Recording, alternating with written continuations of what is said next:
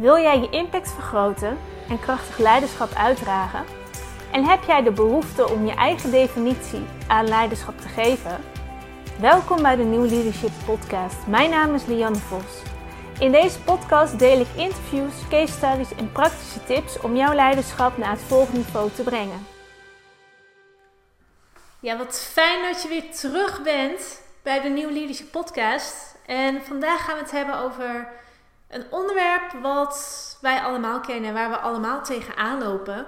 Maakt niet uit wat je doet. Ehm, we hebben allemaal mee te maken. Het is namelijk weerstand. Een super interessant onderwerp, tenminste dat vind ik. Maar in praktijk zie ik ook dat, er, uh, dat daar nog wel nodige over gedeeld moet worden.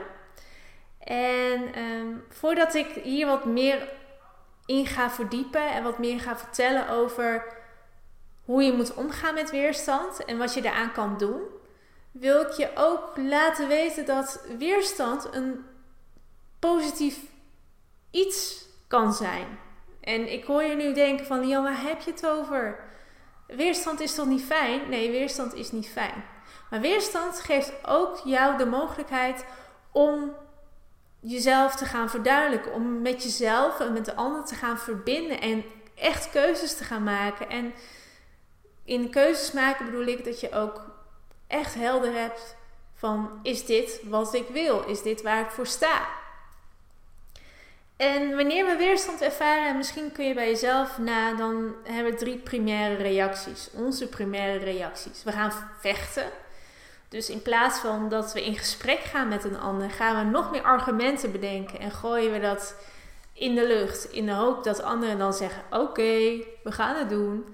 Of we gaan vluchten. Dat is ook een hele mooie, dat zie ik ook vaak gebeuren. Dat je zegt: Nou ja, laat maar. Weet je, we doen jouw idee wel of jouw plan. Of uh, ik, uh, ik heb geen zin om dat nog helemaal aan te gaan kaarten. Zo let it be. Of we bevriezen. En we doen dus helemaal niks. Dus we pitchen een idee of een plan en vervolgens stappen we echt uit het gesprek en we zien dat mensen zelf aan de haal gaan met het gesprek. En dat we dit doen is heel onbewust. Het is primair, hè, wat ik al zei, het is een primaire reactie. Eh, maar dit gebeurt heel vaak. En daarom wilde ik dit onderwerp wel aansnijden. Want dit gebeurt ook in leiderschap. En dit gebeurt ook in, in ons dagelijks leven, in discussies die we hebben met onze partners of met onze vrienden of met onze familie. En een mooi voorbeeld, ik had een klant afgelopen week en die, um, die had ook met weerstand te maken. Ik zal niet heel uitgebreid in die casus gaan, maar het, ging, het kwam erop neer. Hij wilde iets uh, voor elkaar krijgen binnen het bedrijf. En hij uh, legde de casus bij het hoger management en zijn collega's. En het idee was mooi, het plan was mooi um, en het, het werkte voor hem. Alleen in plaats van dat hij gehoopte had dat mensen dachten van... hé, hey, dit is een goed idee, kreeg hij te maken met weerstand. En dit is een zaak die we heel vaak, waar we heel vaak mee te maken hebben. Ik bedoel, er zijn heel veel mensen op de wereld, verschillende meningen.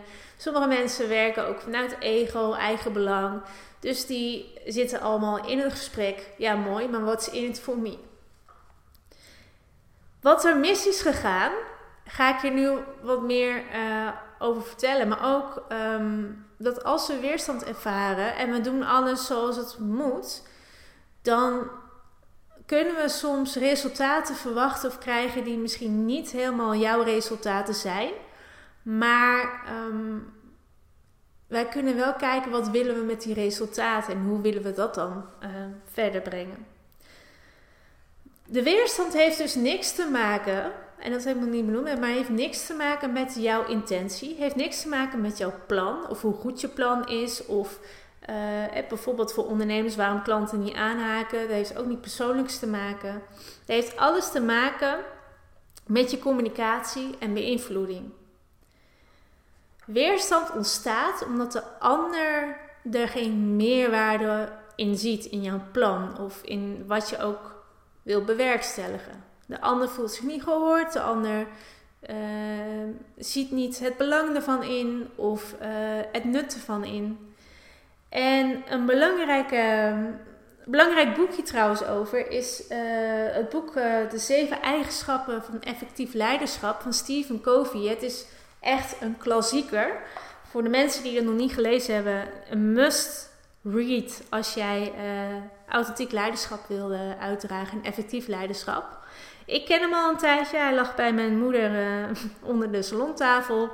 Zoals sommige mensen van mij kennen, uh, ben ik al heel vroeg uh, ingerold in het leiderschapsontwikkeling, persoonlijke groei. Ik kreeg het al aan de eettafel mee, want mijn ouders die, uh, waren managers. Die hadden leidinggevende functies binnen ehm, nou ja, hoge posities binnen de zorgwereld en binnen de, corporate wereld. Dus Kofi was voor mij niet onbekend. Um, ik heb hem er weer even bijgepakt, omdat dit wel um, een, een, essentieel ja, een essentieel onderdeel is van zijn uh, visie over effectief leiderschap. Dus ja, voor mensen die hem nog niet kennen, ik zet hem even in de show notes. Dit is even een sidestep. Maar waar we het over gaan hebben is uh, de eigenschap nummer 5, eigenschap 5. En dat gaat over eerst begrijpen en dan begrepen worden. Kofi gaat heel erg uit van um, leiderschap van binnen naar buiten. Eigenlijk waar Leadership Headquarters ook van uitgaat. Hè? Je moet eerst weten wie je zelf bent, waarvoor je staat en dan moet je het kunnen uitdragen. En wat we vaak doen in praktijk is dat we, we, we, we doen maar wat. We weten soms niet vanuit welke waarde, vanuit welke missie. We, we doen alles uit de dagelijkse gang van zaken. En dat werkt, maar op een gegeven moment werkt het niet meer. Dus we, daar is heel veel nog in te doen. En al 25 jaar geleden schreef Kofi hierover. Een superleuke boek. Ehm, maar we gaan het hebben over nummer 5, eigenschap nummer 5. Eerst begrijpen en dan begrepen worden. En in ons model, we hebben natuurlijk ook een eigen model ontwikkeld aan de hand van onze ervaringen, praktijk, um, case studies, literatuur, de Authentic Leadership Model. We hebben het over connection, onderdeel wat heel belangrijk is. We hebben drie onderdelen. Uh, voor de mensen die het nog niet weten, personality, positioning, connection. We hebben het over connection. En de grootste valkuil, en misschien herken je dat bij jezelf wel, is als wij iets willen ervaren of krijgen, dan drijven onze zin en ideeën door zonder dat we onze omgeving begrijpen.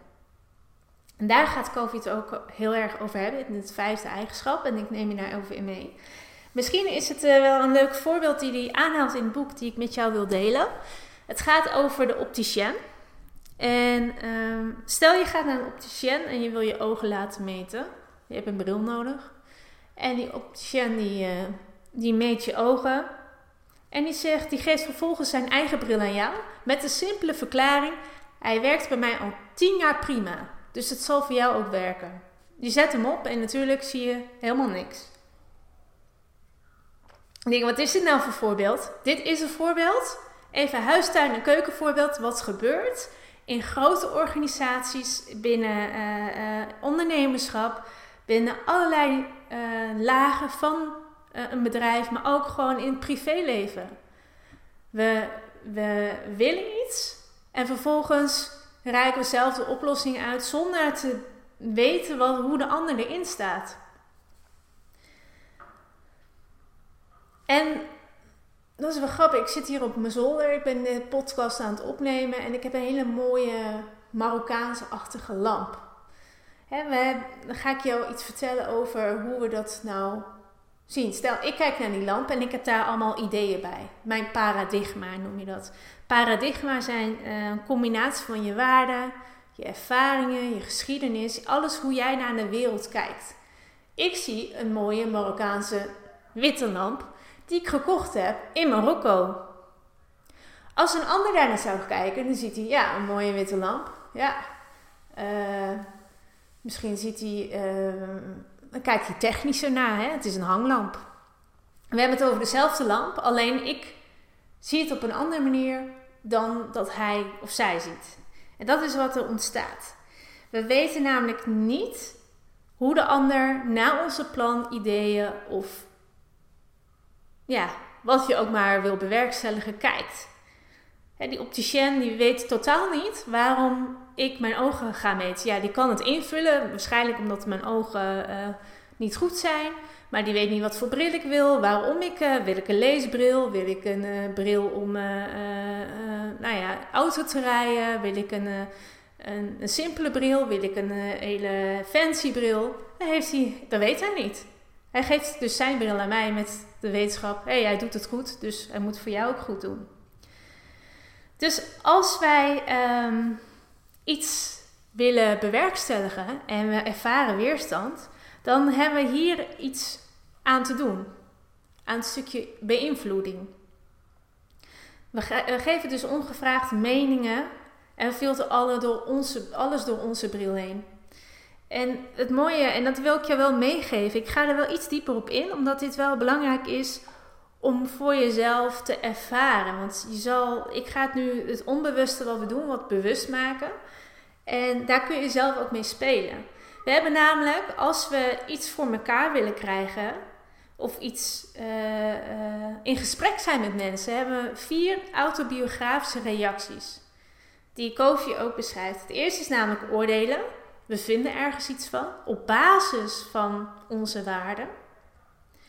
Ja, we vinden het goed plan, het geen goed plan, uh, want dit representeert wel of niet mijn waarden. Onderzoeken, dan denk je dit is goed. We stellen vragen, maar wel op basis vanuit onze referentiekader. Onderzoeken is op zich niet verkeerd. Alleen als we vragen gaan stellen wat gestuurd is, dus op basis van ja, um, je vindt iets niet goed of wel goed en je gaat een gesloten vraag stellen: hey, ik, uh, ik zie dat je dit en dit doet, waarom doe je dit en dit en dit? En je gaat meer een, een sturende vraag stellen. Adviseren, dat doen we ook heel veel op basis van onze eigen ervaringen. Dus we geven raad op basis van onze eigen ervaringen. En we interpreteren. Dus we proberen mensen te begrijpen of het gedrag te begrijpen.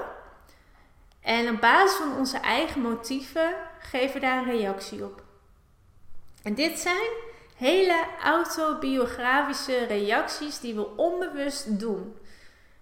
Nu is het zo, je hebt te maken met jouw wereldbeeld, met jouw kaart en met jouw paradigma. Maar jouw paradigma is niet per se de juiste. Het kan namelijk, iemand anders kan een heel ander paradigma hebben. Ik, ik doe dat altijd met het woord geluk bijvoorbeeld. Wat betekent geluk?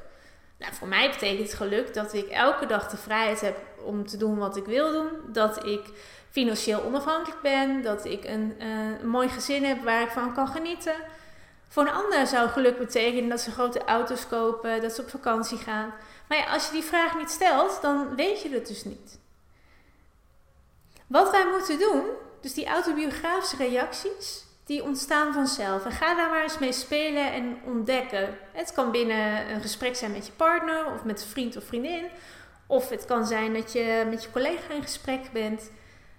Oordeel je, onderzoek je, uh, adviseer je en interpreteer je op basis van jouw referentiekader? Of ben je echt actief aan het luisteren? Je bent leren luisteren. En dat is wat Kofi ook zegt en dat is ook wat ik je wil meegeven. Als je weerstand hebt, dan heb je dit dus niet goed gedaan.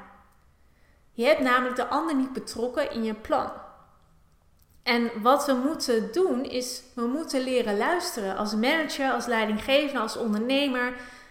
Als, maakt niet uit wat je bent. Wil je dingen voor elkaar krijgen, dan heb je te dealen altijd met een andere kant. En die andere kant, die moet je leren begrijpen. Nou, Kofi omschrijft vijf verschillende uh, niveaus van het leren luisteren. Ik ga daar niet over in. Misschien moet ik daar een andere uh, podcast over maken. Maar ik ga het gelijk naar het niveau wat essentieel is. Het niveau van empathisch luisteren. En empathisch luisteren gaat niet om wat jij ervan vindt, maar je wilt begrijpen wat de ander duidelijk wil maken. Empathisch, dus dat is meevoelend, vraagt om luisteren echt de ander te begrijpen, dus niet proberen in te vullen. Stel iemand vertelt zijn verhaal, dan um, moet jij, nee, je moet niks. Je mag, als je hiermee wil oefenen, mag jij gaan eens kijken wat zegt diegene? Wat is zijn lichaamstaal? Wat voor gevoel kan ik tussen de regels lezen? Je gaat hem niet invullen. Je, eh, je vult hem wel in, je hebt je eigen referentiekaart te maken, maar het is niet zo dat je die terugkoppelt. Wat ervaar ik? Dus wat hoor ik als je tegen me praat? Wat zie ik wanneer je tegen me praat? En wat voel ik wanneer je tegen me praat? Nou, die informatie, die heb jij binnen. Nou is het zo, als we dan uh, op onze autobiografische manier gaan reageren, dan gaan we op die vier andere dingen reageren. Maar in plaats van dat je dat doet, ga jij, um, stel jij de juiste vragen. Dus wat je doet, hij beschrijft vier niveaus er ook weer onder. Het eerste niveau, en dat is het meest makkelijk niveau, is dat je de inhoud letterlijk gaat herhalen. Dus ik hoor dat je in het geval mijn nichtje vindt niet leuk op school. Ik hoor dat je het niet leuk vindt op school. Letterlijk herhaling van. Klopt dat? Ik ga bij de ander verifiëren of dat klopt, wat ik hoor en wat ik zie. De ander kan daar weer op reageren. Ja, nee. In die zin gaan we echt in gesprek. Dus ik ben empathisch aan het luisteren. Dit voelt als een soort tactiek. Veel coaches gebruiken dit. Maar dit is wel heel effectief. Wil je um, ander gaan begrijpen? Dan komt er nog een niveau aan. Dus als je dit snapt, is het heel belangrijk dat je ehm, de inhoud in je eigen woorden gaat formuleren, maar wel die vraag stelt. Dus ik vind het niet leuk op school. Is bijvoorbeeld wat mijn nichtje tegen mij zegt en ik zeg: Oh, dus ik begrijp dat jij het vervelend vindt op school. Ik vul hem wel in, maar ik ben weer in gesprek. Klopt dat, hè? Klopt dat je het vervelend vindt. De derde fase is het gevoel dat erbij komt. Ik vind het vervelend en daardoor ben ik. Uh, hè, dat is de derde. Je vindt het vervelend en daardoor wil je niet meer naar school. Vervelend is een gevoel. Hè, het andere was ook een gevoel. Maar ik geef er consequentie aan. Ja, dat klopt. Of nee, dat klopt niet. En de laatste fase, en dat is de meest belangrijke fase, is dat je uh, fase 2 en 3 koppelt. Het liefst in één zin. Dus je herformuleert wat diegene zegt en je hangt er gevoel aan. En als je dat kan en dat kan terugkoppelen, ga je echt in gesprek. Je leert dan echt luisteren. Dus je leert een ander begrijpen en je leert het verhaal daarachter. Stel in het geval van mijn klant die een idee heeft en die hij wilde bewerkstelligen, waar het nou fout in gegaan is, is dat hij misschien, misschien had hij dat wel gedaan, maar heeft hij dat niet goed gecommuniceerd. En communicatie is ook een belangrijke, daar komen zo over op uh, uit. Maar ehm, hij heeft dus waarschijnlijk de taal die de klant, of de, mijn klant, maar de, de hoge management en collega's, niet duidelijk begrepen of de context.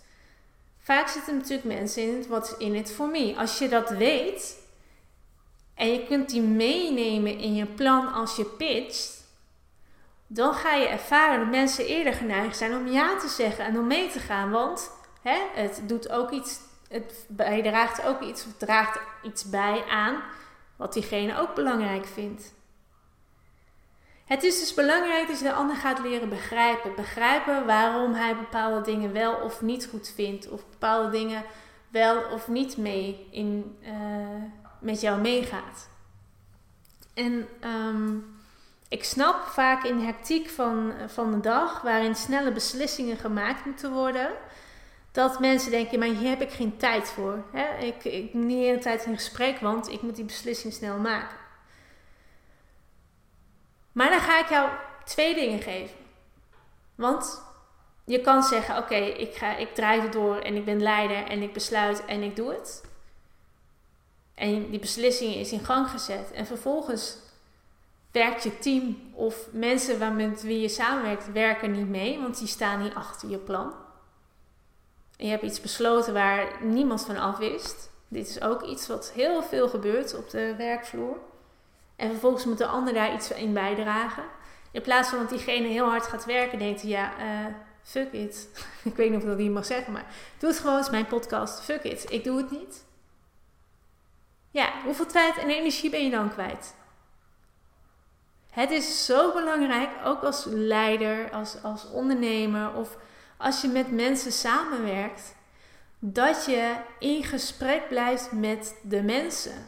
Dat je weet wat diegene belangrijk vindt, waarom diegene iets doet, uh, wat voor resultaat diegene wil halen. En dat is voor jou echt een must, wil jij een goede leider zijn. En ja, dan is het makkelijk om die beslissingen sneller te maken, omdat je weet dat diegene ook met jou meegaan, omdat jij hen hebt betrokken, niet letterlijk, maar wel hebt betrokken in je gedachtegang, in het plan. En de taal en de context die zij belangrijk vinden, hebt meegenomen. Maar ja, we hebben het over begrepen worden, maar daar gaan we het stukje, het leren mensen, andere mensen jou gaan begrijpen, is natuurlijk ook belangrijk. En dat vraagt echt om kwetsbaarheid, oprechtheid en moed en openheid. En dat is iets wat we heel moeilijk vinden. Want als we open zijn en kwetsbaar zijn, dan, ja, dan kan er van alles fout gaan. Dan zijn we bang dat we falen of dan zijn we bang dat uh, mensen onze positie overnemen. En als je kijkt naar echte authentieke leiders, ik noem maar eentje, mijn favoriet Nelson Mandela. Die was open en die was kwetsbaar. Die had een verhaal. Ik wil niet zeggen dat hij geen goede leider was. Maar hij liet zien dat hij mens is. Een mens was, want hij is natuurlijk overleden. En dat is wat jij ook hoort te doen. Ook met je idee of plan. Waarom wil je dat plan? Waarom wil je dit idee? Waarom, uh, wat is jouw idee daarachter? Waarom moeten we met z'n allen mee? Durf dat eens open te gooien en hou dat eens niet voor jezelf. Want als je dat doet, dan kan ik je garanderen dat als jij het voor jezelf houdt, dat jij echt uh, jezelf echt aan het uitmergelen bent. In die zin, mensen gaan niet meer betrokken bij je voelen. En dat is niet wat jij moet hebben. Dat is een van de grootste, grootste valkuilen van leiders nu. En als ik hoor een grootste uitdaging is dat het team niet betrokken is. En ik ga jou even misschien wel een reminder geven. Het feit dat die team, jouw team niet betrokken is, heeft niks te maken met jouw team, heeft alles te maken met jouw leiderschap. Het is misschien niet leuk om te horen, maar het heeft alles te maken met hoe jij jezelf opstelt en hoe je mensen meeneemt. En die ga ik, ik kan nog een heel lang podcast over uitweiden en, en misschien moet ik dat ook een keer gaan doen. Maar dat heeft alles te maken met het feit dat zij niet gehoord, gezien of gewaardeerd voelen. Een mens wil gehoord, gezien en gewaardeerd voelen en wil het gevoel hebben dat wat hij of zij doet bijdraagt. En een stukje eigenaarschap kan teruggeven, dan ga je zien dat het team als een speer voor je gaat en achter je gaat staan. En dat is ook wat Kofi zegt. Hè? Als je doordringt tot de ziel van de ander, bevind je op de gewijde grond. Dus als je de ander in betrekt, als je de ander begrijpt, als je zelf moed hebt en kwetsbaar bent en vertelt waarom je bepaalde dingen wil en dat niet voor jezelf houdt, maar echt de tijd neemt om dat aan de buitenwereld te laten zien, dan ga je ervaren dat mensen je veel meer respect geven en veel meer vertrouwen, omdat ze het gevoel hebben dat ze betrokken zijn in het plan. Dat je hun taal spreekt, dat je hun context spreekt. En dat heeft alles te maken ook met weerstand. Als je weerstand ervaart, hebben zij het gevoel dat ze niet gezien of gehoord worden. Of hebben zij het gevoel dat zij niet mee zijn genomen in het plan. We leven namelijk in een maatschappij waar heel veel mensen meningen hebben. En meningen zijn prima om te hebben. En meningen kunnen ook omgebogen worden. Maar dan moeten ze wel weten waarom en wat het grotere doel daarachter is. En hoe kun je dat dan bijvoorbeeld aanvliegen? Je kunt het bijvoorbeeld doen door uh, te zeggen: laten we eerst kijken wat je bedoeling is en welke bedenken je hebt tegen mijn plan. In plaats van dat je zegt: ik wil dit en dit en dit en dit. Goh, ik zit hiermee, ik wil uh, dit resultaat behalen. Hoe kunnen we dit samen doen? En wat, uh, waarom wel en waarom niet? Dan ga je in gesprek en dan kom je tot een conclusie en een oplossing. In het geval van mijn klant, die had niet de gewenste uitkomst die hij graag zou willen hebben. En dat is soms zo. Hè? Soms je hebt met meer mensen te maken, dus je moet daar ook gewoon uh, mee schipperen. Maar hij heeft zich wel duidelijk gemaakt van wat hij belangrijk vindt. Hij heeft duidelijk gemaakt wat, uh, wat voor doel hij heeft. En daar konden mensen wel achter, achter staan. In praktijk dat de mensen het niet uh, op zijn manier wilden doen, maar op een andere manier, wat wel dezelfde resultaten en uitkomsten heeft, voilà, dan hoor jij ook een beetje mee te bewegen. Maar het is wel, we moeten leren om, om mensen te begrijpen, maar ook leren ook om zelf te gaan staan. Dus dat we als we weerstand ervaren, dat we niet gaan vluchten. Dat we zeggen, nou laat maar, dit plan was echt niet een goed idee. Voor nu denk ik dat ik uh, heel veel uh, mooie informatie heb gegeven. En um, wat ik zeg, als je weerstand ervaart, dan heeft dat alles te maken met beïnvloeding communicatie, met een ander begrijpen en op de juiste manier aanspreken, zodat hij of zij betrokken voelt in dat plan. En ik ga jou nu lekker loslaten. Ik wens je heel veel succes hiermee. Ik vind het ook heel leuk um, om te horen wat je ermee gedaan hebt. Dus laat het me vooral weten. Stuur een berichtje op social media of naar info.leadershipheadquarters.nl ehm, Of laat het in ieder geval weten. Deel het ook. Mocht het een interessante podcast zijn waarvan je denkt... ja, mijn collega loopt hier tegenaan... of ik ken iemand die hier tegenaan loopt... deel het vooral. Want in die end, als we allemaal met elkaar gaan leren begrijpen... als we allemaal elkaar gaan leren begrijpen... dan wordt alles ook een stuk makkelijker... Ehm, dus deel het vooral. Wil je niks missen? Want er staat een lood aan content klaar over leiderschap, persoonlijk groei en zelfbewustzijn. En ik ga in gesprek met experts over deze uh, gebieden. Abonneer je dan op deze uh, podcast, dan weet je zeker dat je, dat je niks mist. En voor nu, dank je wel en ik wens je een fijne ochtend, middag of avond. En um, tot de volgende podcast aflevering.